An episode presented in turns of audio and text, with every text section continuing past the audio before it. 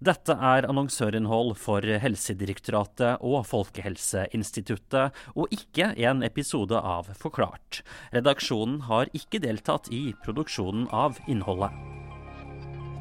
Jeg blir litt redd da, for at tenk om jeg har smitta dritmange mennesker nå, uten at jeg egentlig veit det. Mens jeg som ga, så henne i to minutter og ga henne en klem, jeg ble smittet. Nei, det er helt uforutsigbart. Hvis ikke vi klarer å få tak i de nærkontaktene eller den som er smitta, så kan jo den spre smitten videre. Hva avgjør om de som skal spore og stoppe de mange smitteutbruddene, lykkes eller ikke? Hvordan jobber de når alarmen går, og hvordan kan vi selv bidra til å gjøre arbeidet lettere?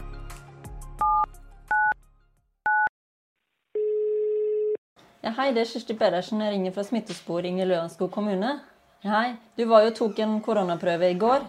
Fra et kontor på Lørenskog åpner Kirsti Pedersen en telefonsamtale som mange nordmenn får hver eneste dag. Men først skal vi dit hvor kampen mot smittespredning egentlig starter. Og så tar jeg halsprøven først. Og så tar jeg neseprøven med den samme pinnen. Ved en hvit containerskranke på Universitetet i Oslo står mennesker tidlig i 20-åra med pandemivennlig avstand og venter i kø. Første gang jeg gjorde det, så var jeg kjempenervøs og tenkte at det her blir jo helt grusomt. Men eh, så ille er det ikke. Mange er her fordi de har kjent på klassiske symptomer som vondt i halsen, nedsatt smaks- og luktesans, hodepine, slapphet eller muskelverk. To av dem vi møter, er Henrik og Kine. De vet det ikke ennå, men under ett døgn senere skal en av dem få påvist koronasmitte. Jeg går i en klasse hvor vi har unntak fra énmetersregel. Eh, og der var først én smitta. Eh, så er det tre til som har blitt smitta igjen. Så ja, da blir det å teste seg. Eh, jeg har vært i nærkontakt med en som har fått påvist smitte. Så nå tester jeg meg for andre gang, siden første testen var negativ. For to dager siden så ble jeg litt sjuk, men nå er jeg litt mer bekymra. Jeg er ikke så redd for å bli smitta selv, jeg tror det kan gå greit. Men jeg er mer redd for å smitte andre, og hvem jeg har vært i kontakt med, og hvem som eventuelt har vært i kontakt med de igjen. Og de fleste som testes, får et negativt prøvesvar, og hører dermed ikke mer fra apparatet som skal håndtere smitteutbruddene. Men for noen er det annerledes. Uh, I går så ble jeg vekket av en telefon fra SIO helse. Under ett døgn etter at han testa seg, får Henrik en telefon. Og han lurte på om jeg hadde fått, uh, eller om jeg hadde fått sjekket uh, svar på prøven min, og så sa jeg nei. men det var ikke noe vanskelig å forutse hva det var, for de ringer jo ikke friske folk. Ja, hei, det er Kirsti Pedersen. Jeg ringer fra smittesporing i Lørenskog kommune. Hei, du var jo tok en koronaprøve i går. Ja, nå har vi fått svar på den, og den var positiv. Kampen mot klokka og kampen for å hindre videre smitte er i gang. Det vil jo si at du nå må gå i isolasjon? Vi er hos smittesporingsteamet i Lørenskog med Kirsti Pedersen og Irene Årås. En sånn samtale kan ta ganske lang tid, fordi det er litt avhengig av reaksjonene den personen får, da. Veit du hvor du kan ha blitt smitta? Nå skal nærkontakter kartlegges og settes i isolasjon eller karantene. Og for å ta det først som sist. En nærkontakt er en som har vært eh, under to meter i mer enn 15 minutter. Hvis du har håndhilst, klemt, sittet tett inntil, eller du er husstandsmedlem, at du er en del av familien. Var du på skolen den 10. og 11., altså to dager før du fikk symptomene? Det vi gjør videre da, er at eh, vi ber de om å lage en liste. Har du oversikten over medstudentene dine? Over hvor mange de har vært i kontakt med de siste 48 timene fra symptomstart. Et klasserom. Er det avstand mellom pultene?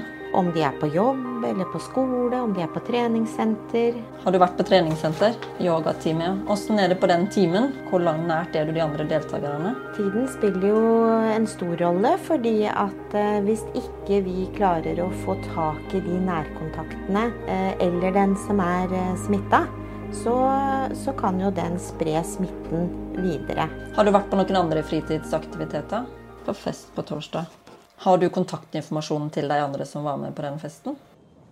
En svært stor del av eh, smitten skjer i private settinger på skole, universitet eller arbeidsplass. Hvis jeg skulle hatt korona nå?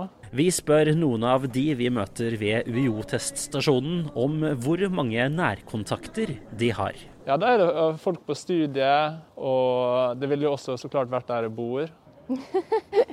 det er kjempevanskelig. Jeg har null kontroll på hvem jeg har vært med.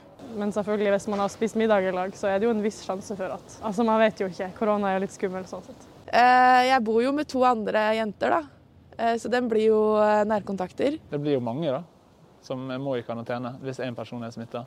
Det vi erfarer, er jo nettopp det at det er stor kontaktflate som gjør at ungdommer blir smitta nå. Det er jo i studentmiljøer det har vært store utbrudd. ikke sant? Og det er jo fordi det er mange mennesker samla.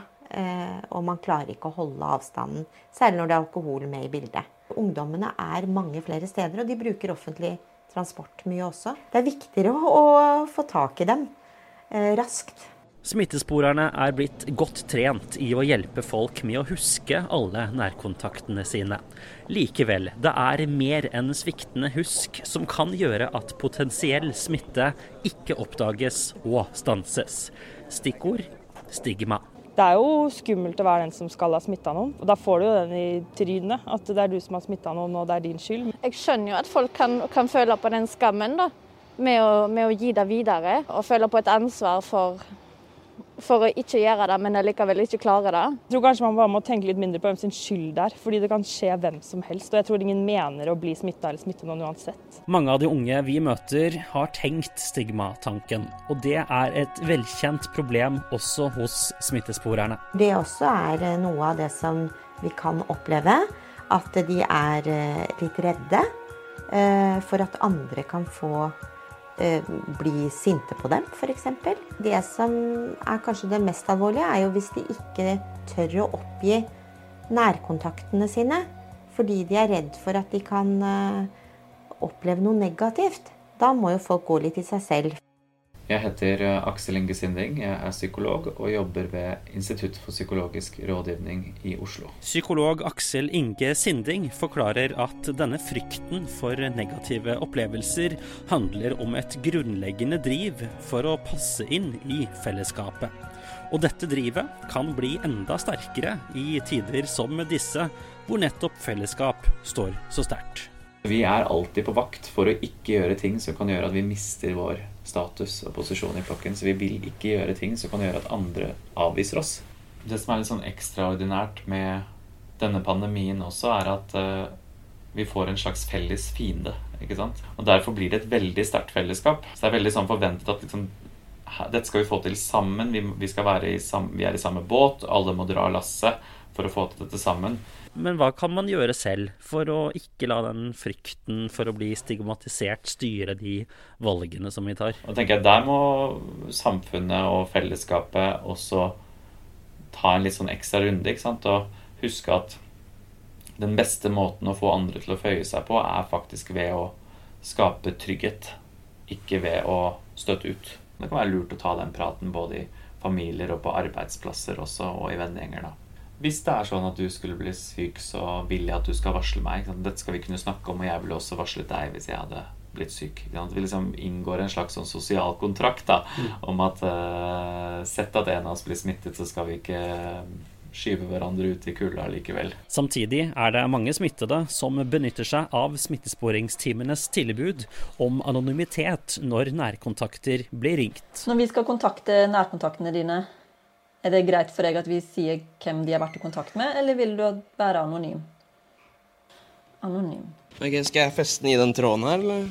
Hengende ut av eh, soveromsvinduet sitt i guttekollektivet i Oslo sentrum, 21 år gamle Henrik, som fikk påvist koronaviruset for få dager siden. Han ble, som så mange andre, smitta av en venn. Eh, det var på en liten sammenkomst her. Det er veldig uforutsigbart hvem som blir smitta, og hvem som ikke blir det. Eh, hun hadde jo sovet med en venninne, eller i senga til en venninne, og hun hun sov med, ble ikke smittet. Eh, mens jeg som ga, så henne i to minutter og ga henne en klem, jeg ble smittet. Så nei, det er helt uforutsigbart. Men hos dere er det ikke noe stigma, Henrik? Vi har snakket om det før, og da alle ble satt i karantene, så var det litt sånn ja, Nå bor vi fire stykker sammen, og får en det, så får sannsynligvis alle det. Eh, og sånn må det bare være. og da er det ingen som føler skam eller skyld og ingen som legger det på noen andre heller. Da Henriks venninne fikk påvist koronasmitte, var han en av nærkontaktene som ble kontakta og satt i karantene. Derfor hadde han selv få nærkontakter som måtte kontaktes, da han selv var blitt smitta. Jeg hadde fem navn å skrive ned, eh, og ikke 50, og det er jeg veldig glad for. Ehm, hadde det vært 50, hadde det vært vesentlig flauere å bli smittet. Eh, særlig hvis jeg kanskje hadde vært innom farfar eller noe sånt. Det hadde ikke vært noe kult. Så nei, det er glad jeg var i karantene de dagene jeg skulle være det. Det er definitivt noe folk, eh, særlig folk i min alder, burde tenke på. At eh, selv om de bare er litt snufste, så og de vanligvis kanskje ville fortsatt livene sine som vanlig, så er det ikke sikkert at det er kjempelurt akkurat nå. Fordi du kan jo ha det uten å vite om det. Du har hørt annonsørinnhold fra Helsedirektoratet og Folkehelseinstituttet, produsert av annonseavdelingen Skipsted Partnerstudio. Aftenpostens redaksjon har ingen rolle i produksjonen av innholdet.